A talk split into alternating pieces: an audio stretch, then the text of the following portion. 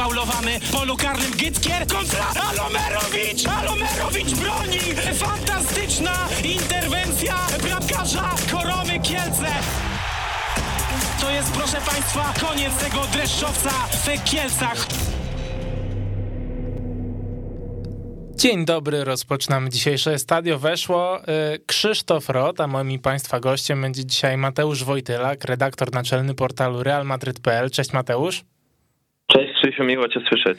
Ciebie też standardowo Mateusz, y, miło słyszeć. Zakładam, że jesteś w bardzo dobrym humorze, no bo Real wygrał w El Clasico, więc na wstępie zapytam cię oczywiście o takie twoje ogólne, ogólne wrażenia E, wrażenia po tym meczu, jak oceniasz poziom gry, bo, bo widziałem, że wiele osób też na to narzekało, jak oceniasz poziom rywala, e, bo to też gdzieś tam była sprawa kontrowersyjna. E, jak oceniasz też podejście w ogóle Realu Madryt do tego spotkania? Dużo pytań, Krzysiu. No, dzień dobry. ogólnie jestem no, poniekąd zadowolony, ale paradoksalnie ten mecz był chyba dla wielu osób trochę rozczarowaniem i zaskoczeniem, tak mi się wydaje, bo rozczarowaniem na pewno dla postronnego widza, bo trzeba szczerze przyznać, że to spotkanie no nie było specjalnie ekscytujące i, i wprawiające w jakiś tam zachwyt. E, poniekąd rozczarowaniem też właśnie dla, dla kibiców Realu, bo, bo co prawda te czasy Zidana przyzwyczaiły nas do pragmatyzmu, e, ale myślę, że to madridismo no, liczyło na, na okazalsze zwycięstwo i, i na lepszą grę i po prostu na coś więcej. E, więc jak zwykle pozostaje trochę ta ta nuta niedosytu, że, że można było się odpłacić tej Barsy za te liczne upokorzenia sprzed lat i, i w końcu ją wysoko ograć, mm, ale znowu się to nie udało. A wydaje mi się, że zaskoczeniem trochę dla fanów Barcelony, e, no bo nie skończyło się to jakimś tam kompletnym blamarzem, e, którego oni na pewno się obawiali trochę. Mm, a i ta gra Barcelony, no nie, nie była dobra, ale nie była też tragiczna, jak w tych meczach z Bayernem czy Benficą.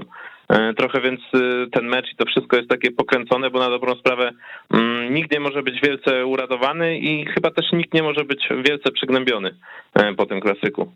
Tak, to, to akurat jest prawda, bo nawet właśnie wśród kibiców Barcelony, mimo że oczywiście cały czas mamy do czynienia z Kumanem, więc tego optymizmu nie ma zbyt wiele, ja ale... Mieli jak najdłużej. Dokładnie tak. E, no ale właśnie, jak ty oceniasz to, jak w ogóle Real Madryt podszedł do tego spotkania? Bo faktycznie nie było widać jakiegoś takiego, e, jakiejś takiej chęci, żeby to spotkanie wysoko wygrać, tylko to, co powiedział Carlo Ancelotti, że e, nie zagrali wybitnego meczu, ale zagrali inteligentny mecz. I ja mam wrażenie, oglądając to spotkanie, że tak naprawdę wszystko potoczyło się tak, jak to sobie założył e, Carlo Ancelotti i gdyby na przykład, gdybyśmy mieli do czynienia z inną Barceloną, no to Real Madryt przyjąłby trochę inne założenia, ale że to była mhm. Barcelona Kumana, to, to widzieliśmy Real cofnięty, wiedzący, że Barcelona nic z piłką konkretnego raczej nie zrobi. E, no i to po prostu faktycznie tak było. No ja nawet może bym nie powiedział, że to był inteligentny mecz Realu, tylko bardziej wyrachowany.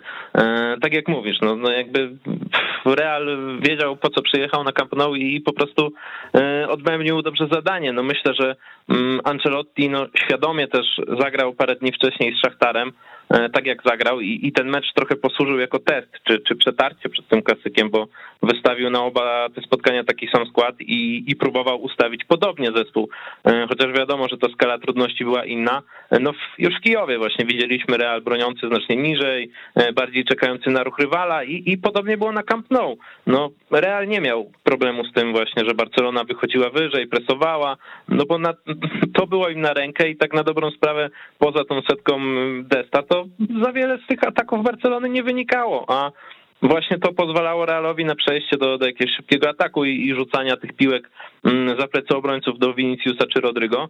E, i pomimo średniej gry, to też trudno podważać tę taktykę, no bo po dwóch kontrach Real zdobył dwie bramki. E, I być może, gdyby gotowy na 100% był Azar lub Ancelotti wystawiłby Fedę, to wówczas chciałby bardziej grać tą futbolówką, czy, czy przejąć po prostu inicjatywę.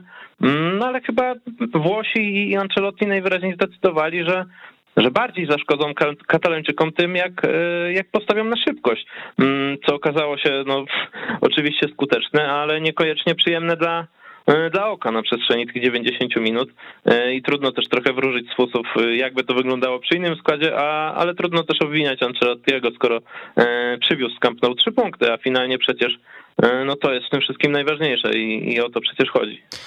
Przeczytałem taką opinię, jeszcze za moment wrócę właśnie do tego sposobu gry, ale przeczytałem taką opinię, że Real Madryt tak naprawdę nie musi się już oglądać na Barcelonę, jeśli chodzi o, o wyścig o mistrzostwo. Czy dla ciebie to spotkanie z Barceloną Oczywiście poza tym, że, że na pewno ma jakiś tam ciężar gatunkowy. Czy ono dla ciebie faktycznie było jako było spotkaniem z drużyną, z którą się walczy o tytuł, czy raczej nie postrzegasz tak Barcelony i nie wiem, równie dobrze mógłby to być Real Betis, jeżeli byśmy odjęli faktycznie ten ciężar gatunkowy?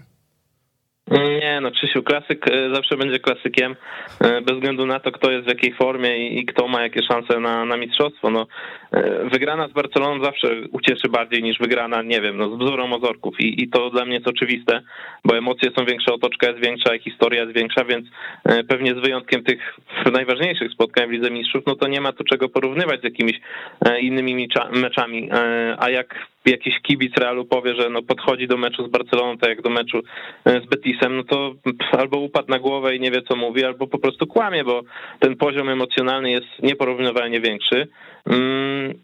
Ale na dzisiaj no ten mecz na pewno nie jest jakiś kluczowy w walce o tytuł. E, no wynik na pewno stawia Barce w kłopotliwej sytuacji, bo traci coraz więcej do czołówki. No ale mamy dopiero październik i, i do maja to jeszcze wszyscy pogubią punkty parokrotnie. E, nie wiadomo tak naprawdę w jakiej formie może jeszcze być Barcelona, nie wiadomo w jakiej formie będzie e, Real. Powiedziałbym, że to jest na pewno jakaś mała zaliczka na przyszłość, bo, bo wiemy, że w Hiszpanii przy równej liczbie punktów decydują mecze bezpośrednie, no ale no na pewno no trzeba poczekać, e, co przyniosą kolejne miesiące. Ale no na pewno mecz z Barceloną, jaka by ona nie była, nie jest meczem z inną drużyną, tylko jest zawsze czymś więcej po prostu. Tak, ja się zdecydowanie zgadzam i bardzo mnie to zdziwiło wtedy, no bo, no bo mimo wszystko jakby Barcelona ten mecz wygrała, to by była jeden punkt nad, nad Realem Madryt. Ale wracając już do samej gry, e, widzieliśmy, mam wrażenie, w tym sezonie dwa Reale Madryt, jeśli chodzi o takie, tak, taką rywalizację w defensywie. E, na początku widzieliśmy ten taki zamysł, z którym Ancelotti wszedł do tego klubu, czyli chcemy bronić wysoko, ta linia defensywy była ustawiona praktycznie na, e, na środku boiska. E, był wysoki pressing, szybkie odzyskiwanie piłki, e, było też dużo traconych goli, a po tej przerwie reprezentacyjnej faktycznie Ancelotti postawił bardziej na taki blok, który jest trochę ustawiony bardziej defensywnie i liczy na kontrataki. E, no dwa ważne zwycięstwa, ale nie wiem, czy to jest właśnie taka efektowna gra, jakiej można było oczekiwać po początku sezonu. Który z tych dwóch realów ci się tak bardziej podoba? Czy wolisz właśnie taki trochę pragmatyzm w meczach z tymi lepszymi rywalami i powiedzmy, że mm, no nie wiem, czy fajerwerki z Szachtarem, bo ta pierwsza połowa była raczej średnia, y, czy jednak takie w jedną i w drugą stronę, jak z Majorką czy z Celtą Vigo? Chyba nie wolę ani takiego Realu, ani, ani takiego, jeśli mam być e, szczery. No, najlepiej by było to jakoś zrównoważyć, żeby i ta defensywa e, grała skutecznie i, i na zero z tyłu i atak e, pokazywał właśnie jakieś mm, fajerwerki. No, przyznam szczerze, że trochę mnie te lata z Zidanem zmęczyły właśnie ze względu na ten pragmatyzm, o którym wspominałem i te wymęczone, wygrane 1 do 0, 2 do 1, gdzie tam nawet w meczach ze słabszymi rywalami ten Real e, cofał się do defensywy, byle tylko nie, e, nie przegrać tych spotkań, a jak wrócił ten Carlo Ancelotti, oglądaliśmy te pierwsze mecze Realu, to na pewno e, więcej radości przynosiła ta gra i oglądanie tych spotkań, tylko właśnie niekoniecznie ta radość zawsze będzie szła w parze z punktami i chyba e, Carlo Ancelotti doszedł do takiego wniosku po tej przerwie reprezentacyjnej, e, że no trzeba zacząć e, punktować, kiedy, szczególnie kiedy przydarzyły się te dwie wpadki z Sheriffem i, i ze Spaniolem więc chyba też stara się to w jakiś sposób e, wyważyć i, znaleźć po prostu odpowiedni środek. No, mm, pamiętajmy, że, że to on wrócił dopiero parę miesięcy temu, więc e, też musi ten zespół jeszcze w jakiś sposób się dotrzeć. E, obrona musi się dotrzeć przede wszystkim, bo klasyk w ogóle był pierwszym meczem w tym sezonie, kiedy Real miał do dyspozycji wszystkich obrońców. Więc to też wiele mówi o tych problemach, które były w defensywie w przeszłości. Myślę, że jeśli odpukać w niemalowane, nie będzie tych kłopotów e, z kontuzjami, jakie, jakich byliśmy świadkiem w ubiegłym sezonie, to wtedy zobaczymy e, ten prawdziwy real i będziemy mogli ocenić jakoś mm, bardziej szczegółowo tę pracę, którą wykonuje Ancelotti. Tak, powrót, y, powrót Fernanda Mendiego mam wrażenie, że to jest taki, taki zawodnik, Mm, który tak, od razu... wróciła skała, po prostu ten mecz, nawet pokazały te sytuacje w meczu z Barceloną, gdzie tam na początku Dest się od niego odbił jak od ściany i chyba już potem Barcelona stwierdziła, że w ogóle nie ma sensu atakować tą jego stroną.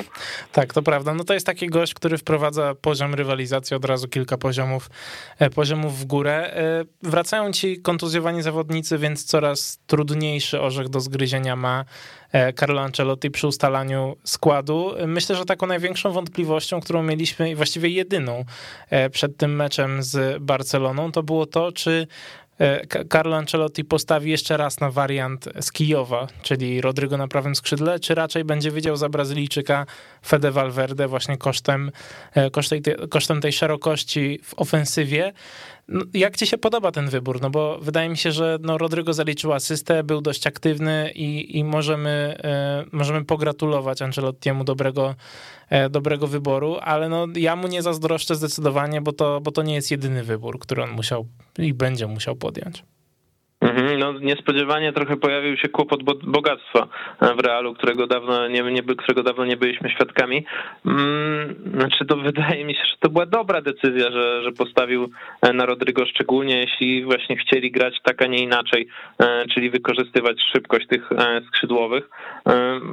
Więc no, nie, nie, nie krytykowałbym za to Ancelottiego i mm, Myślę, że on będzie szachował trochę tym składem. To nie jest tak, że ten e, tercet Brazylijczyków plus e, ten jeden wybitny Francuz to jest już takie coś stałego, jak kiedyś Ancelotti sobie wymyślił, że BBC jest nietykalne i grał kiedy tylko mógł tym BBC. Myślę, że tutaj będziemy e, świadkami wielu zmian i że Fede też będzie dostało szansę i że oni będą też przechodzić na 4-4-2 i, i te ustawienia będą trochę inne. Myślę, że teraz trochę chciał odzyskać spokoju właśnie po tych przegranych spotkaniach i, i dlatego zdecydował się na to 4-3-3, bo jakby to jest dla niego najbezpieczniejszy wariant. A Rodrygo też pamiętajmy, że jest trochę e, piłkarzem o innej charakterystyce niż Vinicius i też daje sporo w defensywie, więc mm, jakby ta strona e, prawa, która trochę niby wygląda gorzej, ale e, w rzeczywistości to w defensywie nie wyglądało wcale tak źle. Tak, to zdecydowanie jest prawda, bo, bo Rodrygo, tak jak mówisz, no, on jest takim gościem, mam wrażenie, spokojniejszym. Czy, czy ty jak na niego patrzysz, to inaczej, ja mam wrażenie, że on szczególnie w tym sezonie y, traci po prostu na tym, że Vinicius rozgrywa no, fenomenalne, y, fenomenalny sezon i mam wrażenie, że nie docenia się trochę tego, co robi Rodrygo, a on mam wrażenie robi naprawdę sporo i prezentuje się naprawdę nieźle. Ancelotti mówił, że zaraz wraca Gareth Bale. Czy dla ciebie ten młodszy z Brazylijczyków gdzieś tam powinien być w miarę podstawowym zawodnikiem Realu Madryt, bo wiemy, że ta jego kariera do tej pory to była taka, taka mocno szarpana. Mhm. Raczej bym tej hierarchii na, na dzisiaj nie zmienił. Tak jak mówię, na pewno Ancelotti będzie coś tam sobie szachował, ale na jakieś istotniejsze mecze, takim jak właśnie był klasyk, no to właśnie wychodziłbym z Rodrygo i z Viniciusem na skrzydłach i nie chcę tu obrażać Rodrygo, ale Rodrygo trochę mi przypomina e, Lukasa Vasqueza w najlepszych latach, który wygląda trochę lepiej. E, W sensie, że właśnie jest aktywny w ofensywie, ale też potrafi e, pomóc e, w defensywie. I też chyba Ancelotti po prostu chce, żeby ta mm, prawa strona była taka bardziej wyważona, a na tej lewej niech się dzieje wola Boga i niech tam Vinicius robi sobie co chce. Przechodząc właśnie do, do tych indywidualności, e, no Vinicius jest taką, taką pierwszą z nich.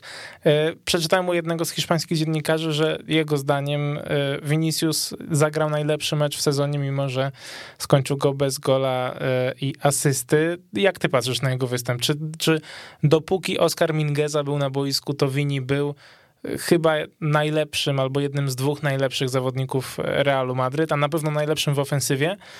No ale Mhm. potem mam wrażenie, że Vini trochę nam gazu w momencie, w którym e, Serginio Dest, czyli trochę szybszy, bardziej dynamiczny obrońca, e, przeszedł właśnie na jego, na jego stronę. Myślę, że w pierwszej połowie na pewno, ale w drugiej y, jakby to gaśnięcie Viniciusa nie wiem do końca, czy wynikało z tej zmiany, e, której dokonał Kuman, czy bardziej z tego, że po prostu Vinicius już nie miał siły i był zmęczony i był zajechany tymi e, rajdami w pierwszej połowie, no przecież Mingeza to na taki kołowrotek był przed, przez niego e, wrzucony, że, że to się w głowie nie mieści. No i oczywiście najjaśniej błyszczał na przestrzeni no ogólnie całego meczu Vinicius, bo właśnie odpalał te fajerwerki, ale myślę, że Przede wszystkim to trzeba pochwalić go za dojrzałość, no bo wiadomo, że w nim drzemie jeszcze ta e, pozabojskowa impulsywność, że a to pokaże komuś język, a to będzie coś krzyczał do kibiców, e, ale no w samej grze to nie był ten Vinicius, który atakuje bez głowy, ile ma siły, tylko no kiedy trzeba było się zatrzymać i odegrać, to on odgrywał, kiedy trzeba było wchodzić w dribbling, w dribbling to wchodził, e, kiedy trzeba było zmienić kierunek gry, no to też to robił, co widzieliśmy zresztą przy golu Alaby. Mm, i ogólnie tę jego formę w tym sezonie należy oceniać nie tyle przez pryzmat suchych liczb, co, co spojrzeć na to, jak zachowuje się w wielu sytuacjach na boisku, a zachowuje się tak, jakby zyskał już to niezbędne doświadczenie, którego brakowało mu w poprzednich sezonach. No po prostu yy, mówiąc w skrócie, no to Wini nie głupieje w większości sytuacji i zdarza mu się to coraz rzadziej, co, co było przecież jego zmorą e, w ubiegłym sezonie. Mhm. A jak ty na niego patrzysz i widzisz na przykład te obrazki, które nam się pojawiały e, w hiszpańskich mediach po spotkaniu, to jak on schodził po zmianie, jak e, no doprowadzał do szału też kibiców Barcelony różnymi takimi gestami. Oczywiście oni nie, nie pozostawali mu dłużni, ale tam pokazywał na wynik na przykład, pokazywał na herb takie różne, różne gesty. Czy ty nie masz wrażenia, że Vinicius już jest taki, używając piłkarskiego żargonu, taki już poczuty, że on już jest zawodnikiem podstawowej jedenastki i już czuje się tutaj naprawdę dobrze? No może tak być poniekąd, a z drugiej strony no to trochę tam y, ta brazylijska szajba się w nim pokazuje, uwydatnia y, i myślę, że to jest trochę kwestia tego i, i kwestia tego. No, mo może tak być. Ja jestem bardzo ciekaw, czy, czy faktycznie nie jest tak, że on, on już trochę ma do tego prawo jak najbardziej i, i też nie chcę tego, nie chcę tego krytykować, ale, ale naprawdę ale ja rośnie mentalnie im on jest, im on jest pewniejszy siebie właśnie i mm, nawet jak robi to jakieś głupie gesty, y, no to tym lepiej gra, no bo jakby jeśli czuje tę pewność i, nie przeszkadza mu to, że tutaj 80 parę tysięcy ludzi no i go gwizdże i, i, i go obraża, tylko no napędza go to, tak jak napędzało niegdyś e, Cristiano i trochę to jest e, wiadomo, zachowując pewne proporcje i skalę, no to podobny typ mentalności, chociaż no, Cristiano może aż tak nie prowokował, ale no coś, co jakieś tam podobieństwa w nich można do dostrzec. Tak, to, to, to prawda, to prawda zdecydowanie. Myślę, że też w podejściu do pracy. E, kolejną indywidualnością, o której chciałem powiedzieć jest Dawid Alaba, e, który rozegrał no, fantastyczne spotkanie w defensywie, poza tym jednym poślizgiem przy, przy golu Sergio mhm. Aguero, ale ostatecznie ten gol też nic Barcelonie nie dał, więc myślę, że nie oceniamy tego aż tak surowo. No ale strzelił, strzelił otwierającego gola, gola, który bardzo długo dawał Realowi zwycięstwo w tym spotkaniu. No i przede wszystkim jak, jak skała w obronie. Y, no myślę, że musimy, musimy powiedzieć, nawet się zawahałem, ale myślę, że musimy powiedzieć o tym, że Sergio Ramos przecież cały czas pozostaje bez gry y, w PSG. E, właśnie jeśli ja miałbym w ogóle kogoś wyróżnić, e, czy nagrodzić słownie za ten klasyk, to może byłby to nawet Alaba przed Viniciusem i właśnie nie chodzi o samego gola nawet, który był pięknej urody, ale po prostu o wszystko inne. No, przypomniało mi się, jak po jego transferze Marka walnęła ni z tego nizowego tytułu jednego z tekstów, że, że przyszedł czarny Ramos, co oczywiście ma rasistowski wydźwięk, ale naturalnie chodziło o to, że na Austriak wniesie do zespołu te cechy, które wnosił też zawsze Ramos i nie można ich porównywać jeden do jednego, bo, bo Alaba nigdy nie będzie dla Realu takim piłkarzem, jakim był Ramos, czyli tą wielką legendą, ale no nie oznacza to, że będzie gorszy, czy, czy na przestrzeni paru lat nie będzie potrafił go godnie zastąpić. Mm, no bo już ten pierwszy w miarę poważny test pokazał, że no Alaba może i potrafi być liderem w defensywie i tak jak kiedyś Ramos też potrafi napsuć wiele krwi Barcelonie. Mm, także ogólnie wydaje mi się, że ten mecz nie miał jakiegoś wielkiego bohatera, ale miał dwie bardzo wyróżniające się postaci, no którymi właśnie mnie, według mnie byli Vinicius i Alaba. Tak, to, to jest faktycznie prawda. Na, na, na koniec tego wątku y, dotyczącego klasyku chciałbym się zapytać, czy, czy Eden Hazard, to, to, to czy my Belga jeszcze kiedykolwiek uświadczymy w tym meczu, bo to trzy lata już jak on trafił do Realu Madryt i, i nadal nie zagrał ani minuty z Barceloną, a okazji było bez liku.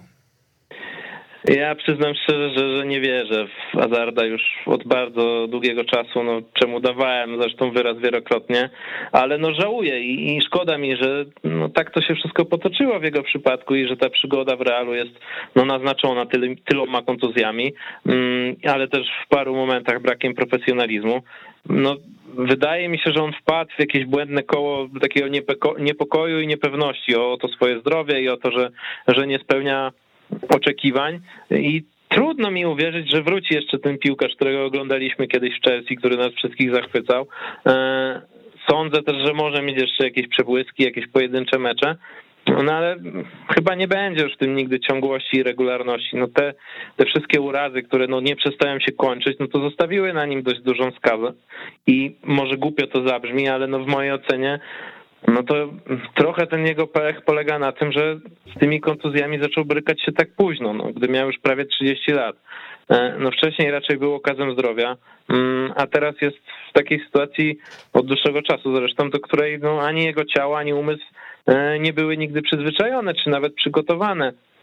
A gdy w tym wieku no, zaczynają nagle doskwierać ci takie problemy, e, z którymi przez całe życie wcześniej praktycznie się nie borykałeś, no to jest trudniej z tego wyjść niż jakby wydarzyło się to w latach wcześniejszych. No, nim trafił do Realu, to tak naprawdę miał chyba jedną kontuzję, która wyłączyła go z gry na nieco dłużej, ale no poza tym to wszystko było w porządku i Oczywiście mamy przykłady wielu piłkarzy, którym no, kontuzje zniszczyły kariery na samym starcie, no ale mamy też wielu takich, którym no, pozwoliły rozpocząć proces no, jakichś tam innych przygotowań do gry pod względem dietetycznym, siłowym czy, czy no, mentalnym.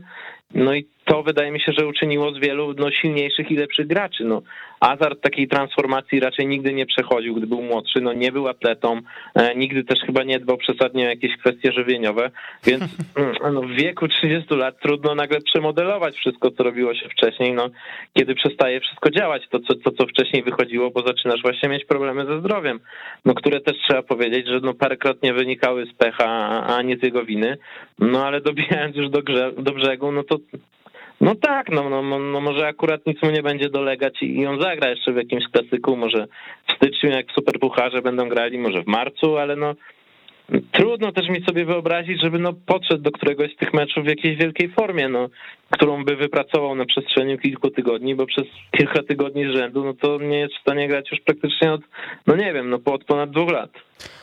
Tak, to prawda. I do tego ja bym jeszcze dorzucił słowa Ancelottiego, który powiedział, że no, problemem Edena Hazarda w tym momencie nie są kontuzje, tak, tylko tak. to jest to, że, że trener Realu Madryt woli E, innych piłkarzy. Czy to nie jest dla ciebie taka główna zmiana też względem tego, co się działo za Zidana? No bo wiemy, że Francuz, e, oczywiście Vinicius wtedy aż tak nie eksplodował ze swoją formą strzelecką i w ogóle z formą, Natomiast wiemy, że Francuz lubił sobie postawić na, na Edena Hazarda dopiero co wracającego do zdrowia albo dopiero co e, gotowego do gry kosztem właśnie Viniciusa, który gdzieś tam tę regularność wcześniej miewał.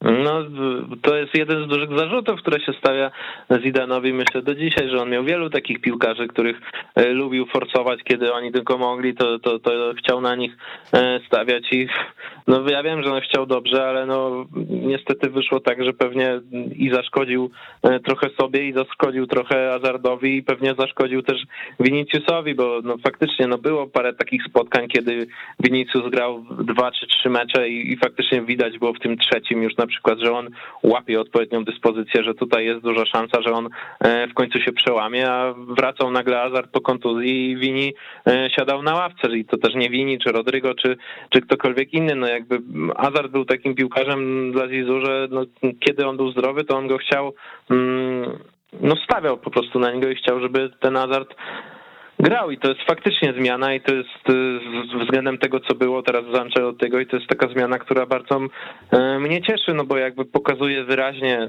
Ancelotti to, że no nie będzie tutaj stawiał na nazwiska, y, nie będzie tutaj stawiał za zasługi, których no, Hazard w Realu raczej nie ma żadnych, ale no będzie po prostu stawiał na, na tych, którzy są w odpowiedniej dyspozycji, w najlepszej dyspozycji, no a w takiej na pewno jest Vinicius, w takiej na pewno, do Rodrigo powiedzmy, że też jest, o Benzemie też nie wspominam, no i choćby z tego względu zagrali. No, tak samo przecież usiadł Fede Valverde na ławce, choćby z tego powodu, że po prostu Ancelotti powiedział po meczu z Szachtarem Doniec, że no, trudno posadzić takiego piłkarza jak Rodrygo, kiedy jest w tak dobrej formie. No i proszę, no i, no i zagrali Vinicius z Rodrygo, a nie jestem przekonany, czy, czy za, za Zidana byłoby identycznie.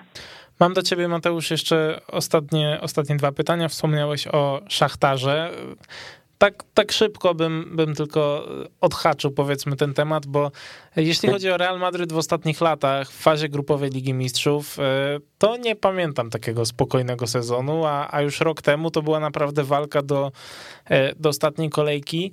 Czy po tym meczu z Szachtarem? Mam wrażenie, że to był mecz, którego można się było trochę obawiać, mając w pamięci to, że, że rok temu Szachtar dwukrotnie ograł Real Madryt, w tym raz grając jakimiś kilkunastoma, dziewiętnastoma 15-latkami, 20-latkami, bo tam połowa drużyny miała COVID. E, to był mecz, którego można by się obawiać. To znaczy, gdyby była jakaś wpadka, jakiś remis albo porażka, no to Real miałby problemy być może z wyjściem z grupy. Było pewne zwycięstwo 5 do 0, w tym samym czasie Inter ograł, e, ograł szerifa.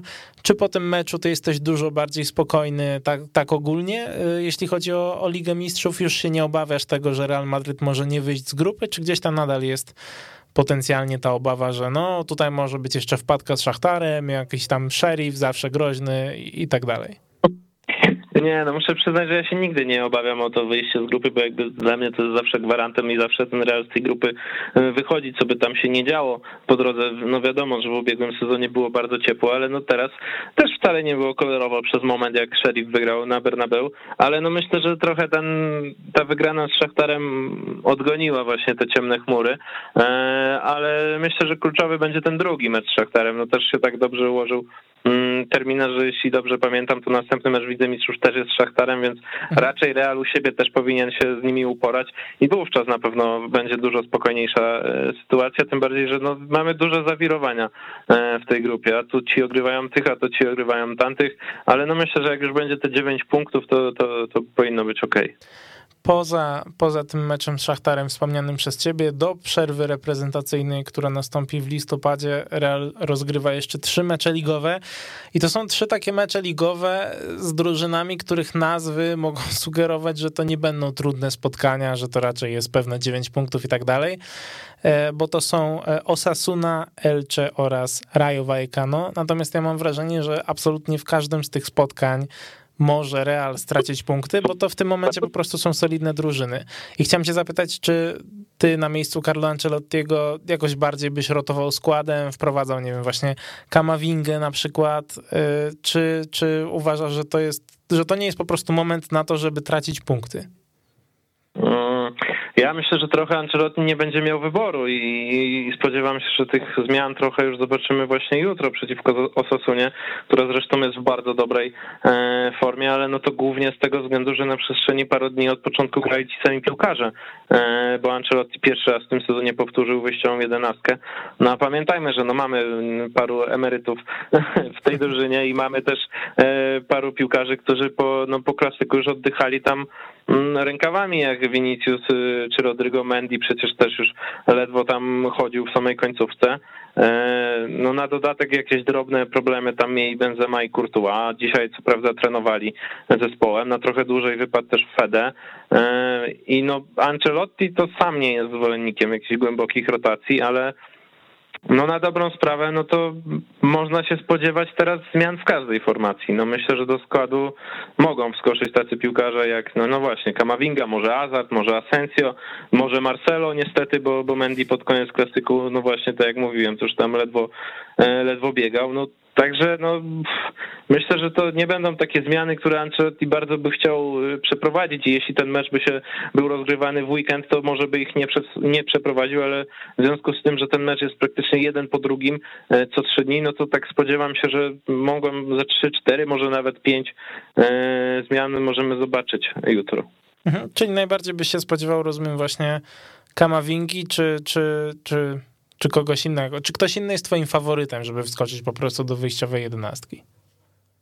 Myślę, że możliwe, że Unin zagra, może nie będą chcieli podejmować e, ryzyka z Kurtuła, który no, wyglądało to dramatycznie podczas, podczas meczu z Barceloną, jak się złapał e, za tą rzepkę. No, wszyscy mieli w głowie czarny scenariusz, no, na szczęście tam żadna, e, żadna poważna kontuzja nie wyniknęła z tego, ale no, też nie wiadomo jak to może być, więc może nie będą chcieli podejmować ryzyka. Nie chcę typować, bo, bo nie wiem tak naprawdę, co, co tam Carletto może sobie wy, wymyślić, ale no, na pewno nie będę zdziwiony, jak zagrają Kamavinga i Asensio. E, bo to też pamiętamy, że Asensio tak nagle nic tego nizowego zagrał z Majorką i, i, i strzelił więc e, jeśli bym się, jeśli miałbym spodziewać się jakichś zmian pewnych, to właśnie bym postawił, że to będzie i Kamavinga e, i Asensio. Może Hazard, nie wiem. Mhm. Real Madryt rozgrywa swoje spotkanie jutro z Osasuną na Santiago Bernabeu. Mateusz, ja ci za dzisiaj serdecznie dziękuję. Był z nami Mateusz Wojtylak, redaktor naczelny portalu realmadryt.pl. To ja dziękuję i życzę miłego wieczoru, Krzysiu. Dzięki również tobie też miłego wieczoru. E, ja zapraszam na krótką przerwę i za chwilę wracamy na antenę. Weszło FM. Najlepsze radio sportowe. I wracamy na antenę Weszło FM i jest już z nami Michał Zawada, socio Barcelony. Cześć Michał. Cześć, cześć.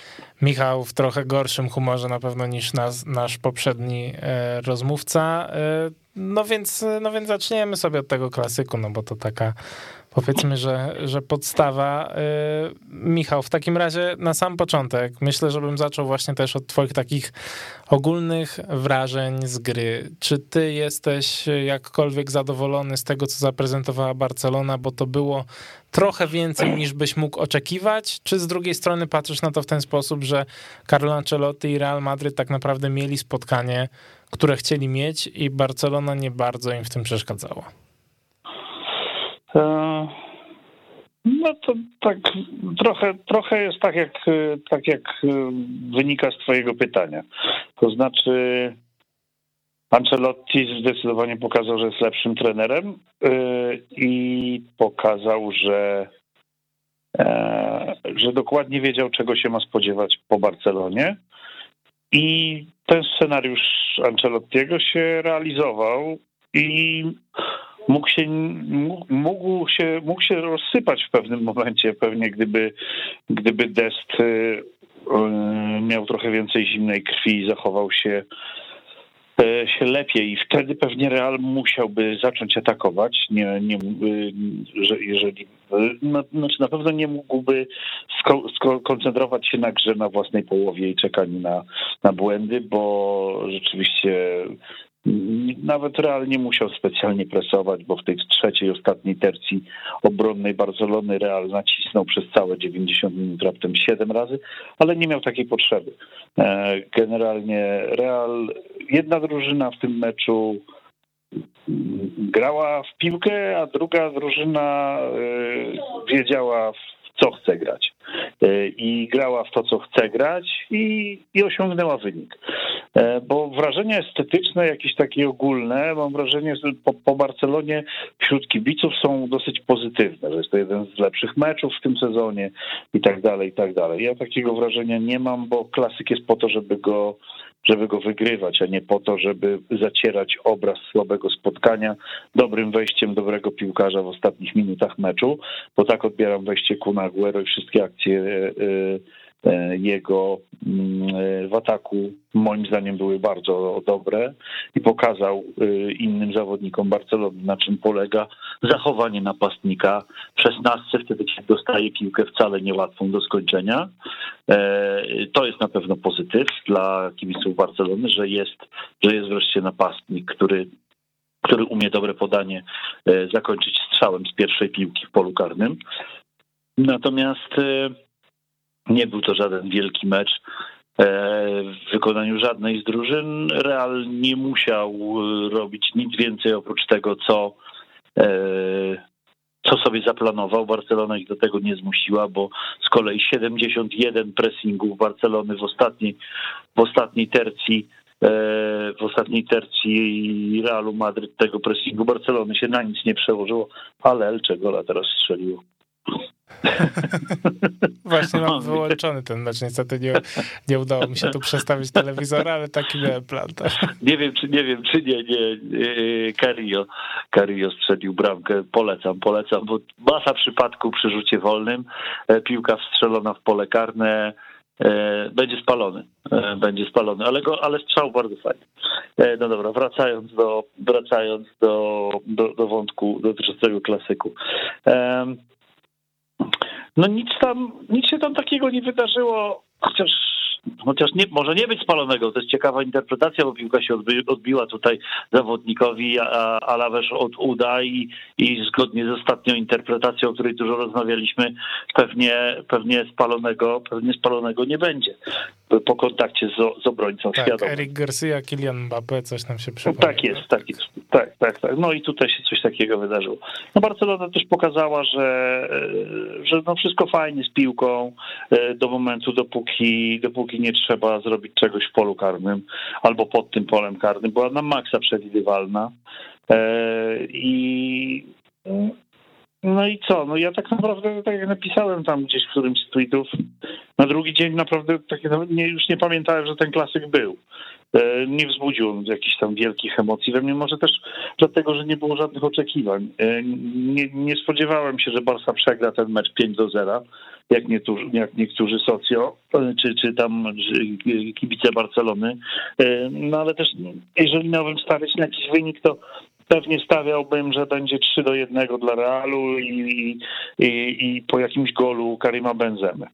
Mhm. który był, mimo tego, że gola nie strzelił, to pokazał, jak współcześnie potrafi i powinien e, pracować zawodnik e, e, ofensywnie grający. Bo dla mnie był jednym i tak z lepszych zawodników tego, tego meczu. Także to, co warte zapamiętania, no to ładna bramka Alaby na pewno, wejście Kuna Aguero zakończone golem, czyli dwóch piłkarzy, którzy przyszły przed sezonem. No i to, że Benzema rzeczywiście pokazuje, że nawet jeżeli bramek nie strzela, to, to pracuje na cały zespół. No i, i Busquets, jak za dawnych dobrych czasów. Gdyby miał tam więcej jakości, to Busquets mógł w tym meczu mieć ze dwie, trzy asysty albo, albo pierwszego, albo drugiego stopnia. Bo zagrał przynajmniej kilka piłek w pole karne takich, e, jakich się oczekuje od pomocników. E, I naprawdę jego występ mogę ocenić wysoko, e, chyba jako jedynego tak naprawdę w Barcelonie oprócz Kuna Aguero. Mhm. W ogóle Sergio Aguero tak swoją drogą też, też dygresja to, to jest moje odkrycie, jeśli chodzi o ostatnie dni, bo odkryłem i jego kanał na YouTubie, na którym no, nie pamiętam czegoś takiego, żeby zawodnik oceniał własne mecze z Mistrzostw Świata. E, I jest też kapitalny materiał e, o nim z, z tego programu El Dia Después. Bardzo tak, go tak. też no, lubimy. Trudno go nie lubić. Tak. Trudno go nie lubić po tym materiale, nawet jeżeli ktoś go tam wcześniej...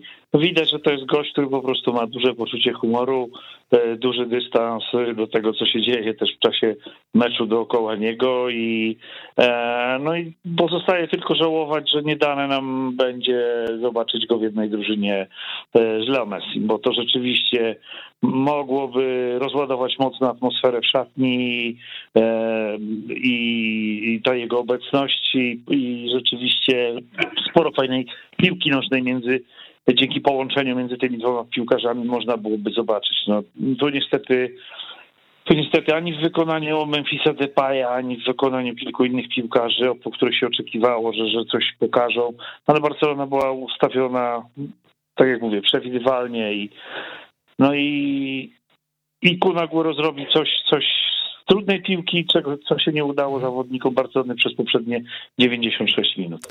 Tak, to, to jest zdecydowanie prawda. Myślę, że możemy sobie przejść do, do takich większych konkretów, jeśli chodzi o to spotkanie.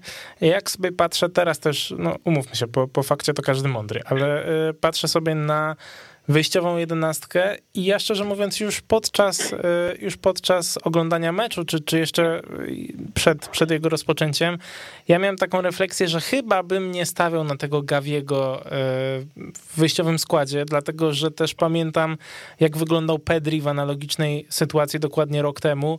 E, no, był trochę schowany, schowany do kieszeni. E, I druga rzecz, e, która, która mi się też narzuciła, to, że Ronald Kuman nie wiedzieć dlaczego postanowił zamienić pozycjami Ansu Fatiego z Memphisem Depayem. I to Memphis zagrał na lewym skrzydle, Ansu Fati e, jako napastnik, obaj wyszli na tym słabo, no i do tego mamy Erika Garcia, który pewnie gdyby Ronald Araujo był zdrowy, pewnie by nie zagrał w tym spotkaniu, choć znając Ronalda Kumana, to by nagle postawił na trójkę obrońców, żeby tylko zmieścić Erika, e, ale no, Eric Garcia nie grał zbyt pewnie. E, ten gol Alaby no, poszedł jednak z jego strefy i dodatkowo też e, przy golu Lukasa Vasqueza zaspał, mając tak naprawdę z 2-2,5 metra przewagi nad wbiegającym Lukasem, więc e, to są takie trzy postacie, które ja bym trochę naznaczył negatywnie w tym spotkaniu.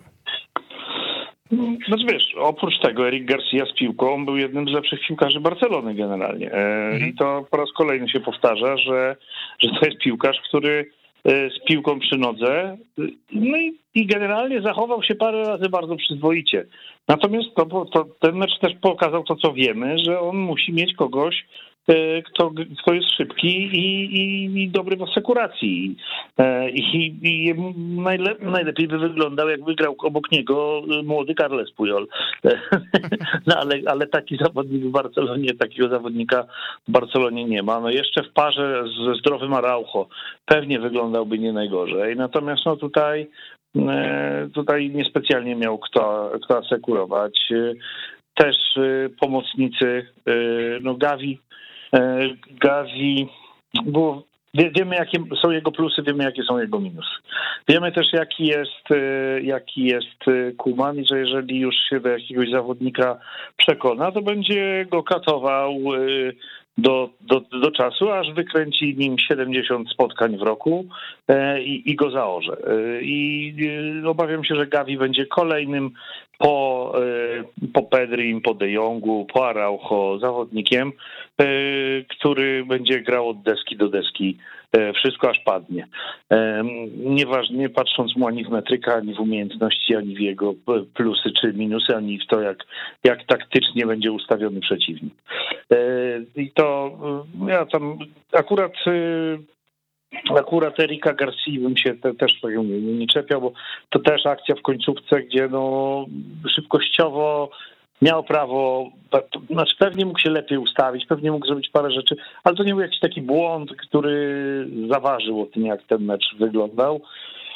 E, znaczy wiesz co, no gdyby potem Aguero strzelił na 1-1, tak, tak, tak no. no ale wiesz, ale to też, to, to, to, też już Real też się odkrył, nie, bo już miał 2-0 i, i to też y, puścili Desta do przodu gdzie normalnie ten dest nie mógł z nikim żadnej piłki z przodu wygrać przez cały mecz. I tutaj to już jest inna koncentracja tego Realu. Już już była minuta do końca, prowadzenie 2 do 0. Myślę, że Real inaczej skoncentrowany grałby przy prowadzeniu 1 do 0 i myślę, że raczej grałby z piłką przy nodze, y, gdzieś tam nawet kopiąc po autach niż niż, niż, niż próbując poz, pozwalać e, grać takiemu destowi, który oprócz tego jednego zagrania zagrał bardzo słaby mecz. I mm, to jest kolejna rzecz, że te słabe punkty Barcelony były dosyć dobrze zdefiniowane od samego początku przez Ancelottiego. E, I, Jeszcze przepraszam, Oskar Mingeza, przepraszam, że ci wejdę no właśnie. Tak. No to, właśnie, to no to, jeszcze... to, właśnie to chciałem powiedzieć. Mhm. I te, te słabe punkty, no jeżeli ustawiasz na jednej stronie Mingezę i Desta, no to z całym szacunkiem dla przeciętnych drużyn w lidze hiszpańskiej, ale gdyby tak wyglądała prawa strona Elche albo Alaves, które właśnie oglądam, to no to pewnie można mówić, że to przyzwoici piłkarze w takiej drużynie grają tam na tej stronie.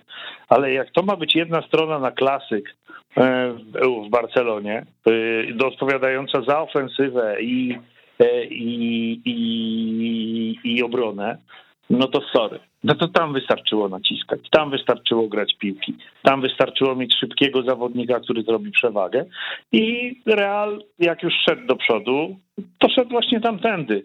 I generalnie obaj panowie nie bardzo wiedzieli, co się, co się dzieje z tamtej strony. Jak dołożysz dochodzącego w obronie do nich nie za szybkiego Erika Garcia, no to katastrofa jest gotowa. I myślę, że dobrze, że dobrze, że to nie był mecz Ligi Mistrzów, od którego dużo zależy, bo nawet taka Benfica w tym momencie, grając na tak ustawioną, tak ustawioną Barcelonę, to myślę, że, że nie, nie miałaby większego problemu. Nie, nie, nie mówiąc o Realu, który ma na tej stronie tam Winiego, Alabę, czy może sobie tam wpuścić Rodrigo, czy, czy, czy, czy nawet Benzemę, który też sobie e, tam świetnie poradzi. Więc tam mamy czterech ofensywnie grających piłkarzy. E, każdy z nich e, technicznie i rozumieniem piłki przewyższa obu piłkarzy Barcelony o klasę. Więc wystarczyło wykorzystywać tak naprawdę ten jeden ten jeden y, sektor boiska w Barcelonie, żeby Barcelonie zrobić krzywdę. Do tego, jak dołożysz brak odpowiedzialności i pomysłu przed polem karnym Realu Madryt, co pokazał Depay, który, e, który w ogóle nie rozumiem po co przy przyjęciu piłki obracał się akurat do środka, a nie, a nie w drugą stronę. Stracił piłkę, poszła kontra.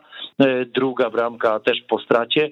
Real dokładnie wiedział, że Barcelona będzie miała te straty przed polem karnym e, Realu i, i, że, i że którąś cierpliwie, którąś z nich wykorzysta, a kontry szły po schemacie i, i, i dobrze, że tylko dwie z nich skończyły się, się golami dla Realu, bo, bo tak naprawdę, tak jak mówię, no, szybciej grająca, mocniej grająca drużyna mogłaby, mogłaby, mogłaby się skończyć tak jak tak jak na Old Trafford 5 do 0. Mhm. Dobrze, to myślę, że powoli możemy sobie zamykać to spotkanie, bo naprawdę nie ma tutaj nie ma tutaj zbyt tak, no wiele taki, materiału taki me, wiesz, to taki, taki, taki mecz, taki mecz za 2-3 lata nikt o nim nie będzie pamiętał. Będzie jednym z setek klasyków, o których, z których zapamiętamy pojedyncze rzeczy, jak gola Alaby, jak pierwszą bramkę Kuna Aguero w Barcelonie, i, i wynik. I to, to, to jest wszystko, co my będziemy za 2-3 lata pamiętali z tego meczu. Tak mi, się, tak mi się właśnie też wydaje, choć oczywiście w kwestii walki o mistrzostwo na końcu sezonu może to być, A, to może to być istotne. Y, natomiast y, przypomina mi się w kontekście tego, co, co, co niedawno się pojawiło w hiszpańskich mediach, zaraz do tego przejdę, y, przypominają mi się słowa Ronalda Kumana sprzed pewnego czasu, że on buduje młodzież i dzięki niemu ten klub ma przyszłość. Dzisiaj z kolei pojawiła się informacja, że Ronald Kuman przestał ufać Yusufowi Demirowi, który nas zachwycał w presezonie, w trakcie już normalnego sezonu nie wyglądał tak dobrze. E, no ale jest Yusuf Demir zarejestrowany w pierwszym zespole, więc nie może zejść grać do, do, drugiej, do drugiej drużyny. Jednocześnie pozbawiono tego miejsca Aleksa Kojado, więc tak naprawdę ma dwóch podobnych zawodników Ronald Kuman, dwóch młodych. Jeden ma lat 18, drugi ma lat 22. E, na żadnego nie będzie stawiał. Mm, no i właśnie, to, to jest pierwsza sytuacja. Kolejny to jest Pedri, który bez wakacji, bez okresu przygotowawczego jest wrzucany na głęboką wodę i ma w tym momencie kontuzję mięśniową za, kontuzję, za kontuzją mięśniową. Kto też mógł to przypuszczać, jeżeli obciążamy 18-latka 70 kilkoma meczami w sezonie. E, dalej mamy Gawiego, który tak jak powiedziałeś, no jest kolejnym, kolejnym przykładem, mam wrażenie, że będzie kolejnym Pedrim. Dalej mamy Nico Gonzalesa, który jest publicznie krytykowany po meczu z Atletico, że no to jest jego błąd, on powinien pójść tam za Lemarem, to jego, na jego konto ta bramka. E, no i mamy też Desta, który jest rzucany po różnych pozycjach, a po tym meczu e, w klasyku Kuman no, mówi, nie no, ale Dest musi to trafić, no gdyby trafił, to by był inny mecz. No oczywiście, że byłby inny mecz, ale jednocześnie ma do czynienia z młodym gościem, e, i też go trochę obarcza odpowiedzialnością za ten, za ten wynik, więc no, nie wiem, jak ty patrzysz na to, jak obecnie Kuman znaczy, buduje młodzież. Co, no ja, ja, ja powiedziałem, po, znaczy on niczego nie buduje. To on, on, y, on, on przykleił sobie taką gdzieś tam łatkę, no bo, bo kilku zawodników błysnęło, rzeczywiście tych młodych, E, kilku kibiców wspierających Kumana przyczepiło się do tej, do tej idei, że, że no przecież Fati, że przecież Pedri, że to takie pozytywy.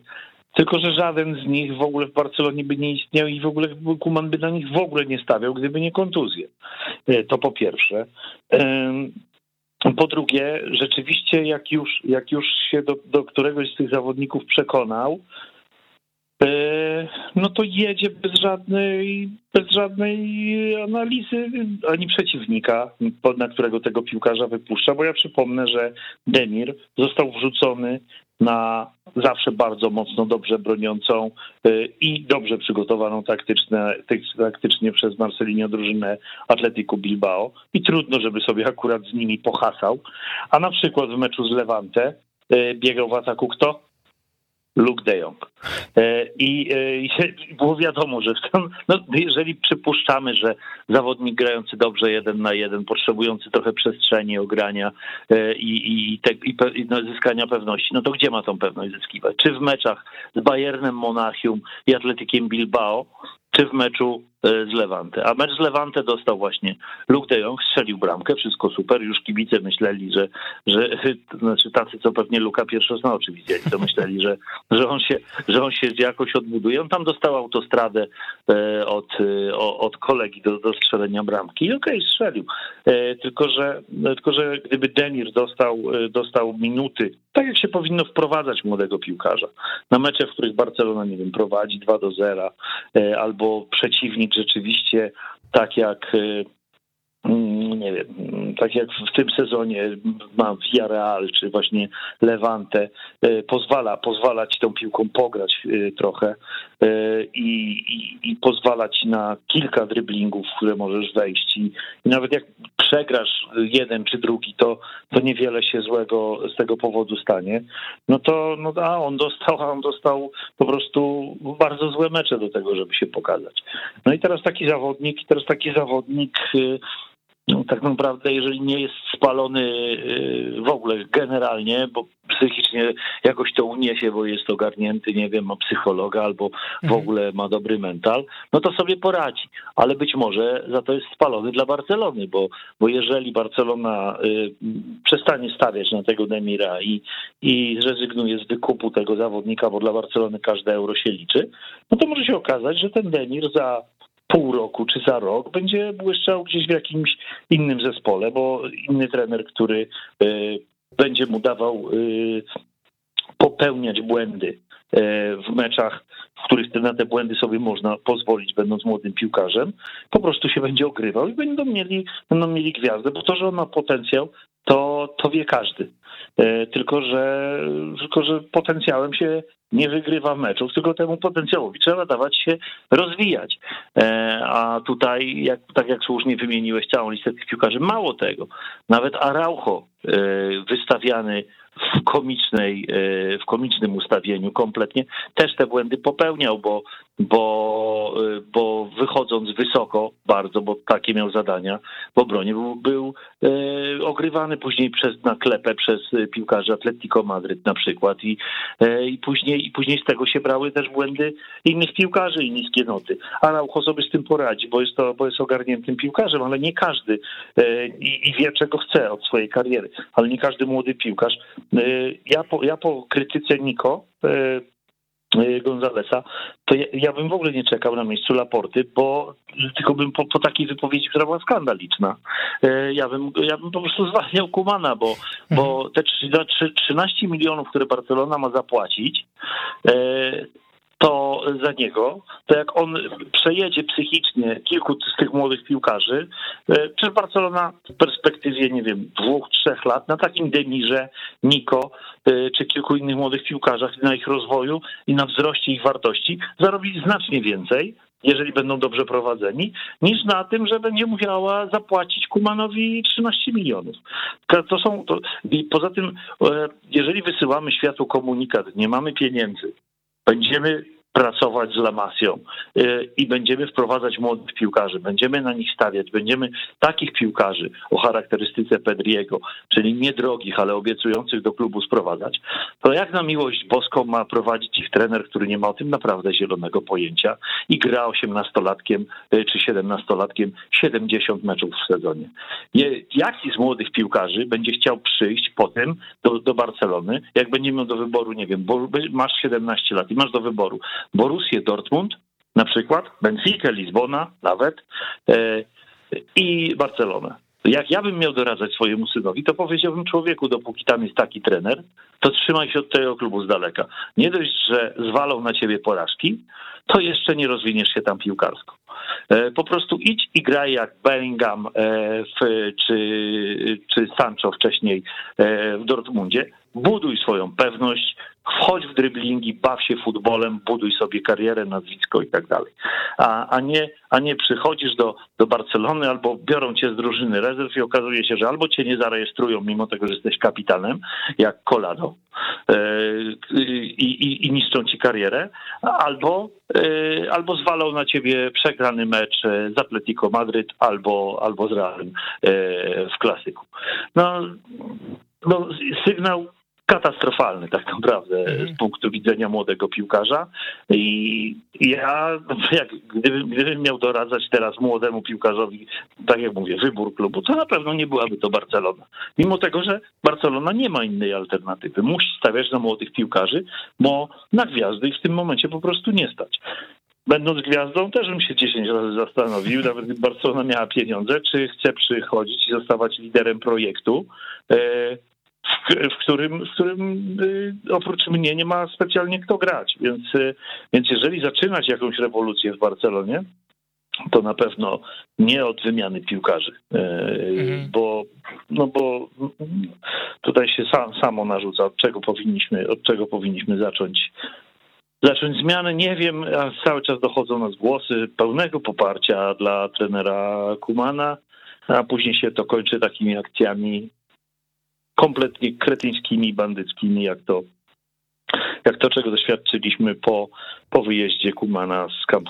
Tak, to prawda. Michał, bo zostały nam dwie minuty, a chciałbym, żebyś mi jeszcze powiedział, e, w takim razie odpowiedział mi na jedno pytanie, e, konkretnie na to, ja wychodzę z założenia, że jeżeli, e, jeżeli mówimy o zwolnieniu Kumana, jak najbardziej słusznie, ja się oczywiście z tym zgadzam, to musimy też powiedzieć o jego potencjalnym następcy i ja bym chciał usłyszeć od ciebie właśnie krótko, bo, bo zostało nam mało czasu. Mhm. E, ja, jaki jest twoim zdaniem, jaki powinien być na dziś jego następca? No bo czy to powinien być, nie wiem, Alfred Schroeder, jego asystent, który by dociągnął do końca sezonu i potem powalczyć o ten Haga na przykład?